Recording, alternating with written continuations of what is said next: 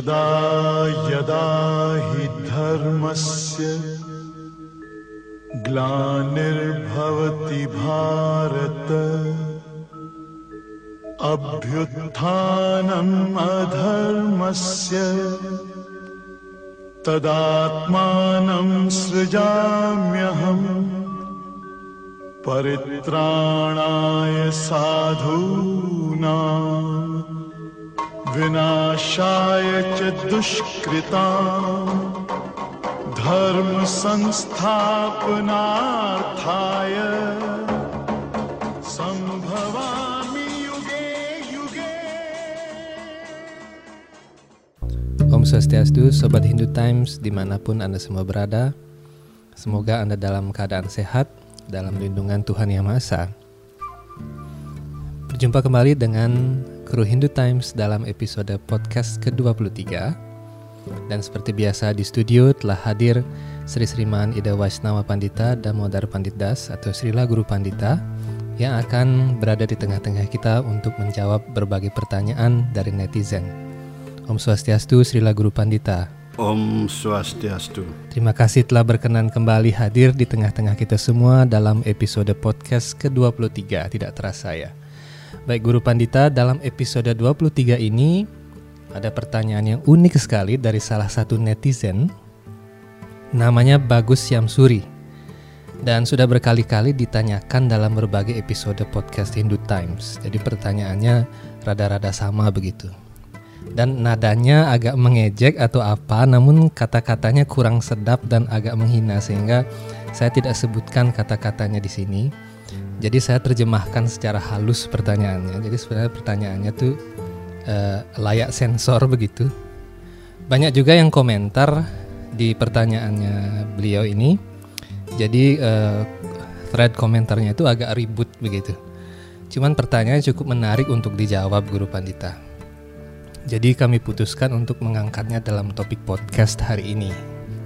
Nah pertanyaannya adalah Dewa-dewa Hindu itu apakah kawin dan melakukan hubungan suami istri begitu? Jadi ini pertanyaan yang lumayan juga eh, menggelitik begitu. Eh, silahkan Guru Pandita. Ya, jadi pertanyaan apa pun sifatnya bertanya ya selayaknya ya kita harus menjawab. Apa pertanyaannya menggelitik atau pertanyaannya menghina, mengejek dan sebagainya, kita jangan tergoda oleh hal-hal seperti itu. Hmm, karena ketika kita mempelajari agama, kita harus lurus ke depan dengan ajaran agama dan kita jangan terpancing umat beragama yang terpancing oleh pertanyaan yang bagaimana gayanya. Tapi inti pertanyaannya itu yang paling penting. Baik. Dan bagi saya pertanyaan-pertanyaan yang sifatnya menggelitik dan mengejek itu hal yang lumrah saja karena di dunia material ini banyak ragam, banyak kualifikasi, banyak sifat-sifat orang. Namun kita sendiri yang mendengarkan kita harus dengan bijaksana dan arif uh, menerimanya sebagai suatu keberuntungan ataupun sebagai suatu pengetahuan lah anggap. Jadi pengetahuan itu kadang-kadang beras apa datangnya dari hal yang menyenangkan kita dengar atau yang tidak menyenangkan terdengar itu. Kadang-kadang kita bisa belajar dari kedua hal itu. Nah, yang penting sekarang pertanyaannya apa dewa-dewa di Hindu itu kawin? Apa ada disebutkan nama-nama apa lagi dewa-dewa di sana? Ada in- eh, disebutkan ada Brahma, ada Tuhan Sri Krishna juga, kemudian ada Siwa. Oh gitu. ada dewa-dewa lain juga. Ya, dewa-dewa lainnya juga. Iya, emang. Iya, nah kumpul sama istri. Karena itu mm, harus dipahami itulah isinya alam semesta. Bahwa kita sudah mengatakan di sana bahwa bisanya atau memungkinkan adanya makhluk hidup karena adanya hubungan suami istri dan akulah yang memberikan benih kan begitu? Tuhan kita mana akulah yang memberikan benih karena hubungan. Kan begitu? Kalau kita lihat dari para dewa anggaplah dari dewa dewa di surga dewa dewa dewa para dewa itu kan makhluk-makhluk yang makhluk hidup dengan menempati planet yang berbeda saja seperti kita tentu kualitas alamnya juga di sana berbeda. Artinya berbeda ada ada perbedaan kuantitas maupun tingkat kualitas nanti. Begitu. Sehingga memerlukan kalau hidup di sana disesuaikan di sana. Seperti di matahari di bulan atau di mana. Tempat dewa di surga juga begitu. Jadi mereka makanya di dewa, para dewa itu memiliki hubungan sama istri. Ada punya anak yang banyak. Punya anak juga. Sama dengan planet lain di surga itu semua penduduk di sana itu begitu. Punya istri-istri anak-anak bersama-sama pada istri kadang naik naik pesawat kamu itu. Mereka juga melakukan hubungan suami istri juga di sana. Tentu sekarang hubungan suami istri di sana di planet surga itu eh, tidak harus sama sekali seperti kita di sini di bumi kan itu. Nah, pada intinya mereka juga ada ada kenikmatan di sana hubungan mereka ber- bersama. Tidak rasa kenikmatan para dewa itu. Kalau ada kadang-kadang para dewa pun yang kadang-kadang kena kutuk kan ada salah melakukan kesalahan sebagainya begitu. Mereka juga malah hidup seperti kita. Ketika kita nanti masuk surga kita kan lebih badan surga eh, ada kualitas dan seperti itu juga di sana. Masih menikmati indria. Berbeda halnya dengan seperti Brahma Dewa Sri Wisnu itu sedikit berbeda. Tetap juga ada seperti bentuk laki perempuan. Jadi karena sumber segalanya itu memang di- di- ditentukan seperti itu. Sehingga nampaknya sekarang di alam semesta ini seperti itu. Karena sumbernya memang begitu. Misalnya begini contoh. Ada dunia rohani ada dunia material. Kan sudah ada. Iya. ada malam ada siang. Ada laki ada perempuan. Itu disebut dengan hukum purusa dan pradana atau prakirti jadi purusa itu adalah sumbernya. Kemudian prakirti itu yang menerima sumber itu. Subjeknya dan objeknya gitu nanti Iya. jadi Tuhan itu sendiri adalah berwujud. Nah, itu yang utama dikatakan yang berwujud itu adalah purusa dikatakan purusa kan? Dan kemudian di, eh, saktinya beliau itu yaitu beliau sendiri yang menjadikan diri beliau itu saktinya itu yang disebut dengan tenaga beliau sendiri disebut dengan prakirti karena itu adalah Laksmi Narayana kan Laksmi Wisnu Parwati Siwa kan itu ya. Kemudian ada juga Radha Krishna kan gitu ya. Nah, jadi itu beliau sendiri semua. Dan menjadikan diri beliau sendiri. Beliau menjadikan segalanya dari diri beliau sendiri. Dan kalau dikatakan hubungan suami istri ya secara kata biasa emang ada hubungan suami istri tapi hubungan itu berbeda dengan kita. Jangankan sekarang beliau Resi Vyasa saja ketika menerima istri Wicita, Wicita Wirya itu untuk menurunkan pandu kan itu eh, Destrasta dan Widura itu itu beliau kan menemui para wanita itu dengan memandang saja demikian juga Tuhan Sri Krishna ketika muncul di di penjara Kangsa itu tidak dengan cara hubungan suami istri seperti kita. Itu mereka orang dipisahkan tempatnya dengan diikat lagi dengan borgol. Terus eh, akhirnya ketika muncul Tuhan Sri Wisnu sendiri langsung di hadapannya sudah berlengan empat dengan badan yang begitu tinggi besar sudah. Dan akhirnya baru lagi menjadi bayi berlengan dua begitu Jadi eh, dewa-dewa yang berbeda artinya tingkatan yang berbeda katakanlah begitu Guru Pandita seperti misalnya dewa Indra, eh, dewa Vayu, Varuna dan sebagainya. Mereka berbeda dalam mereka berada dalam tingkatan yang berbeda dengan Brahma, Wisnu dan Siwa demikian.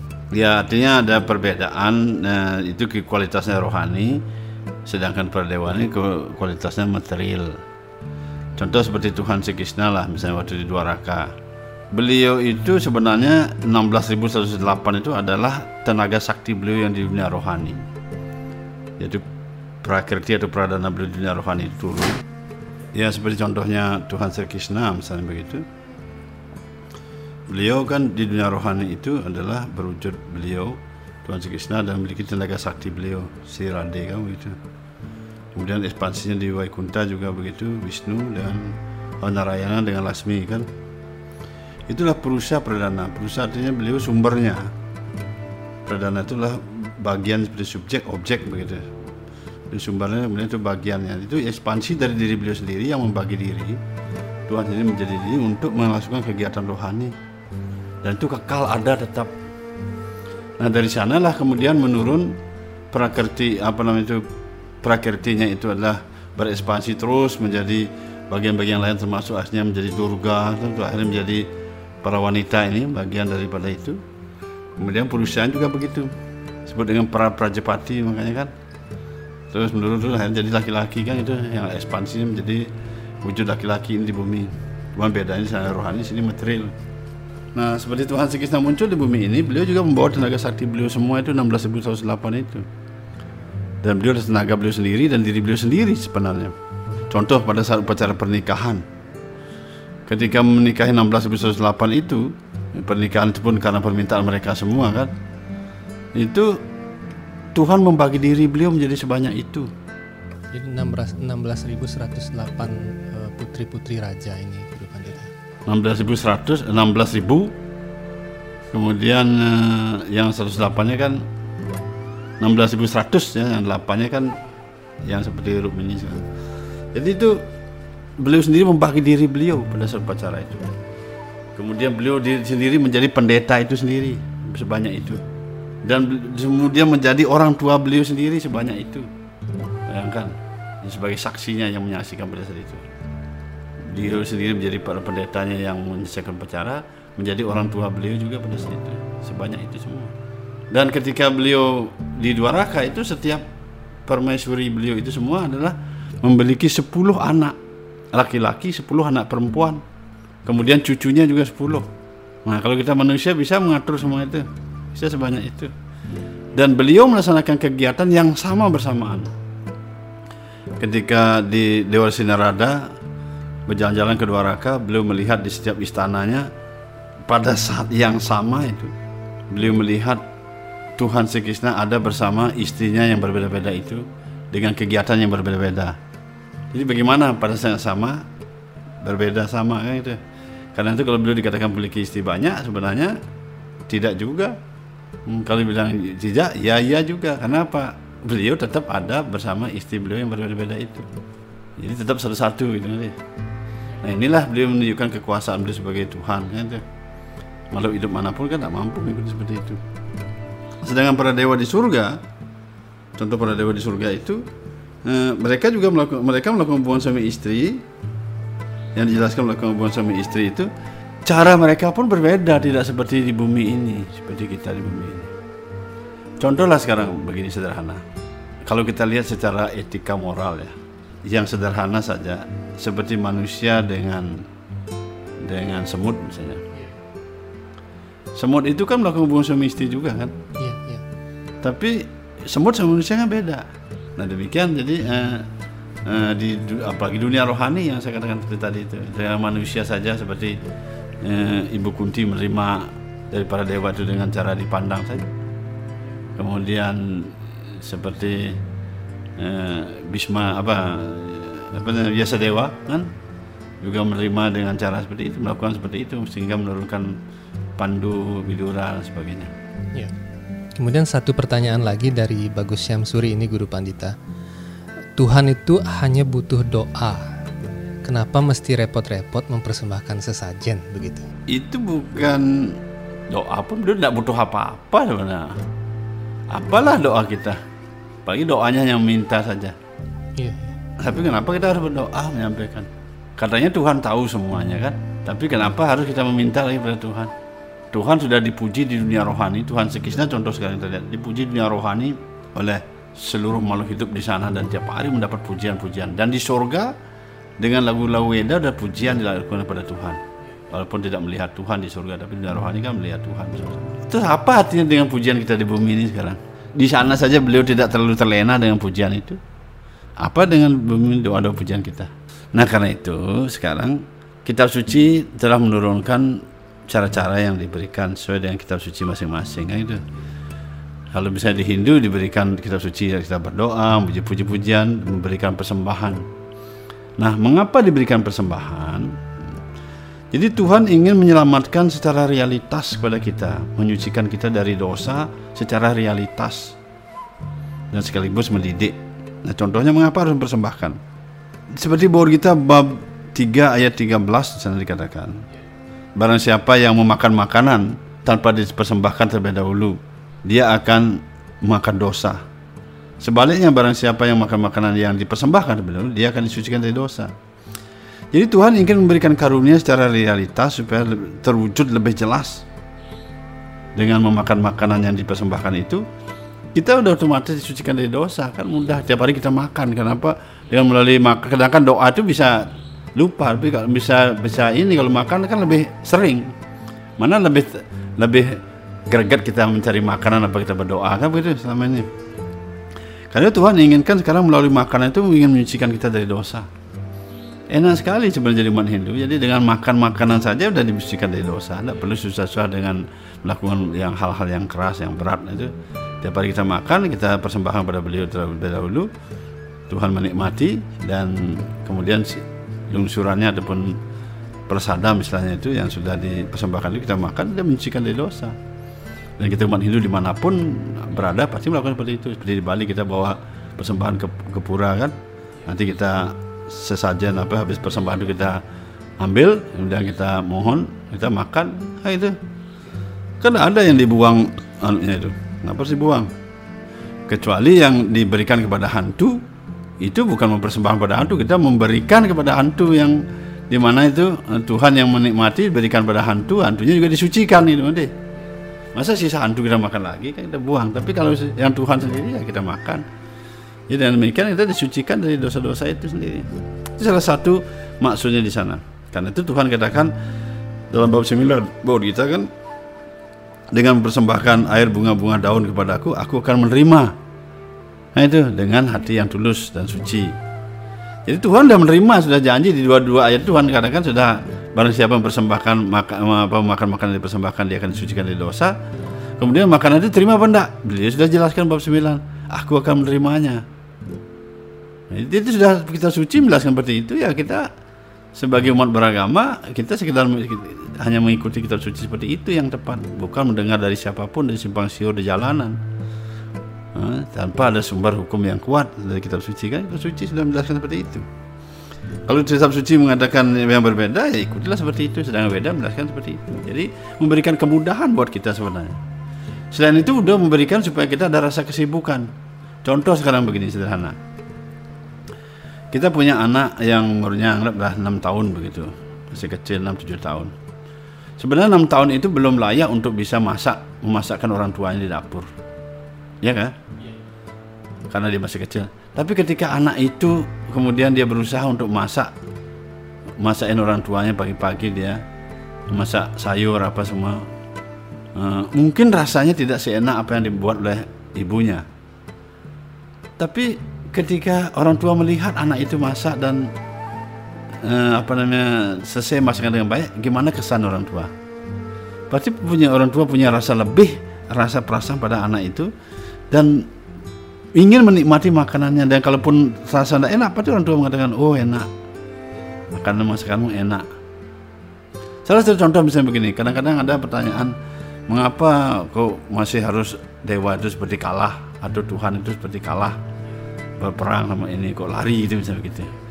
Itu adalah sebuah lila namanya atau kegiatan rohani yang untuk menyenangkan hubungan rasa itu mantap. Contoh begini kita sedang bermain sekarang sama anak kecil anak kita lah begitu atau anak-anak kecil siapa kita di, di lapangan kemudian dia bercanda kemudian dia dia pukul kita kemudian aduh sakit aduh sakit kita lari lari dipukul sama anak-anak bagaimana nikmatnya anak-anak itu bagaimana senangnya dia merasakan senangnya ya kan Hah? Sebenarnya kalau mau melawan apa sih susah yang melawan anak kecil seperti itu? Hah? Begitu juga Tuhan mau melawannya apa susah? Tapi dia merasakan hubungannya yang nikmat seperti di sana, seperti itu. Dan di dunia rohani tidak ada hubungan seperti itu yang peperangan seperti itu. Percandaan ada, peperangan dilakukan di dunia material. Anggaplah seperti berperang, misalnya seperti si Rama turun pertama Rahwana. Jadi karena itu Rahwana diturun dikirim dari dunia rohani yang mampu menandingi beliau itu adalah rekan di dunia rohani walaupun tetap kalah yang ini kan begitu yang lawannya kan itu itulah disebut hubungan bakti karena itu di sini dalam peribor kita Arjuna bertanya yang manakah oh Tuhan di sini dikatakan yang manakah lebih banyak ma- yang manakah dianggap lebih sempurna?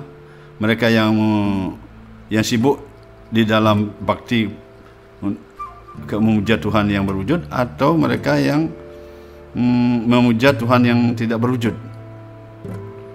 Itu makanya jawaban sini dikatakan pada jawaban berikutnya Tuhan jawab mereka yang mantap pikirannya dalam bentuk pribadi dan senantiasa sibuk memuja aku. Dengan keyakinan dan yang besar dia dianggap aku anggap dia paling sempurna. Sangat sempurna bahkan. Most perfect sangat sempurna. Sempurna dia tadi ada hubungan tadi. Ada hubungan intim antara penyembah dengan Tuhan. Karena di dunia rohani akan ada ikatan itu hubungan rohani seperti itu. Di sini di training kita dilatih. Andaikan kita memakan mangga eh, mangga yang masih mentah maupun yang matang mangga itu tetap mangga walaupun mentah mangga matang ya matang. Karena itu ada hubungan di sini. Ada percandaan ada apa ada persembahan ada apa semua itu ada kemudian ada seperti kegiatan seperti manusia dilaksanakan oleh Tuhan. Sebenarnya Tuhan seperti kita buat persembahan makanan lah. Anggaplah kita persembahkan sayur bayam sama nasi saja. Apalah hatinya kepada Tuhan persembahkan seperti itu Nah, sedangkan di dunia rohani beliau tidak kurang apa pun dan beliau bisa ciptakan semua tanpa perlu bantuan siapa pun. Nah, tapi karena beliau ingin memberikan kesempatan buat kita melakukan sesuatu seperti tadi anak kecil, ayah yang beri kesempatan kepada anaknya untuk berbuat. Apakah para dewa itu juga terkena hukum alam seperti manusia Guru Panita? Maksudnya adalah para dewa yang ada di surga Guru Panita. Iya, mereka juga bisa kena, mereka juga kena hukum alam. Tiga sifat alam berlaku. Cuman kadarnya di sana lebih kecil dan kemungkinan salah itu kecil. Kemungkinan salah itu kecil dan sangat kecil. Jadi seperti tak kelihatan, tak nampak itu. Tapi bisa terjadi seperti itu kan banyak terjadi. Para dewa juga mengalami seperti itu. Cuman bedanya kalau para dewa itu sudah dipaketkan. Kalaupun salah kadang-kadang terkutuk misalnya jadi apa nanti dikembalikan lagi setelah setelah zaman berikutnya ataupun setelah waktu tertentu tentukan kembali lagi ke surga dan akhirnya pada akhir zaman nanti para dewa sudah kembali ke Waikunta bersama Dewa Brahma. Dengan manusia ini diberi kesempatan lebih panjang untuk remedi berputar naik lagi dan akhirnya mencapai alam rohani bahkan lebih cepat lagi daripada dewa. Itu bedanya. Eh, apakah para dewa itu kemudian eh, terkait dengan para dewa dan Tuhan sendiri Guru Panita? Apakah para dewa itu juga eh, bisa menurunkan manusia seperti eh, istilahnya seperti para eh, Pandawa gitu misalnya? Apakah keturunan mereka bisa menjadi manusia atau eh, atau dewa-dewa saja begitu? Bisa, kenapa tidak seperti putra Dewa Bulan akhirnya terus sampai menjadi Pururawa. Pururawa itu kan yang menikahi Urwasi kan bidadari itu yang akhirnya menurunkan luhur para Pandawa itu kan. Kenapa? Banyak contoh-contoh seperti itu di zaman dahulu. Memang turun ada makanya ada wangsa Chandra, wangsa Surya kan. Nah cuman kalau sekarang di zaman kali ini wangsa itu sudah berakhir zaman dua para sehingga kualitas manusia zaman kali ini beda sama kita. Sama mereka itu kita zaman kali berbeda. Demikian. Jadi kita tidak memahami itu lebih banyak dengan kualitas mereka karena kita memang berbeda kan? Itu seperti bahwa kita saja diterima oleh Arjuna kan? Dan tidak ada tandingannya beliau kan? Di seluruh alam jagat raya ini untuk zaman kali ini tidak ada tandingannya Arjuna. Ya kan? Dengan kehebatannya kali itu Tuhan pilih eh, orang sehebat Arjuna itu untuk menerima ajaran suci. Dan kita disuruh belajar dari hal itu sekarang mengikuti cara Arjuna itu. Baik, terima kasih Guru Pandita atas jawaban ini. Eh, Semoga yang bertanya menjadi terpuaskan dan terima kasih juga kepada yang bertanya karena sudah mena- karena sudah menanyakan pertanyaan seperti ini. Ya, rupanya pertanyaan ini membuka gerbang pengetahuan baru untuk kita semua. Dan kepada para pendengar sekalian, terima kasih telah setia bersama Hindu Times Channel dan semoga dalam episode-episode berikutnya kita kita bisa membahas lebih lanjut mengenai pertanyaan-pertanyaan yang lebih unik lagi. Saya undur diri beserta kerabat kerja. Semoga kita semua dalam eh, semoga kita semua selalu berada dalam lindungan Tuhan dan sehat selalu. Om Santi Santi Santi Om. बीते युगों से नए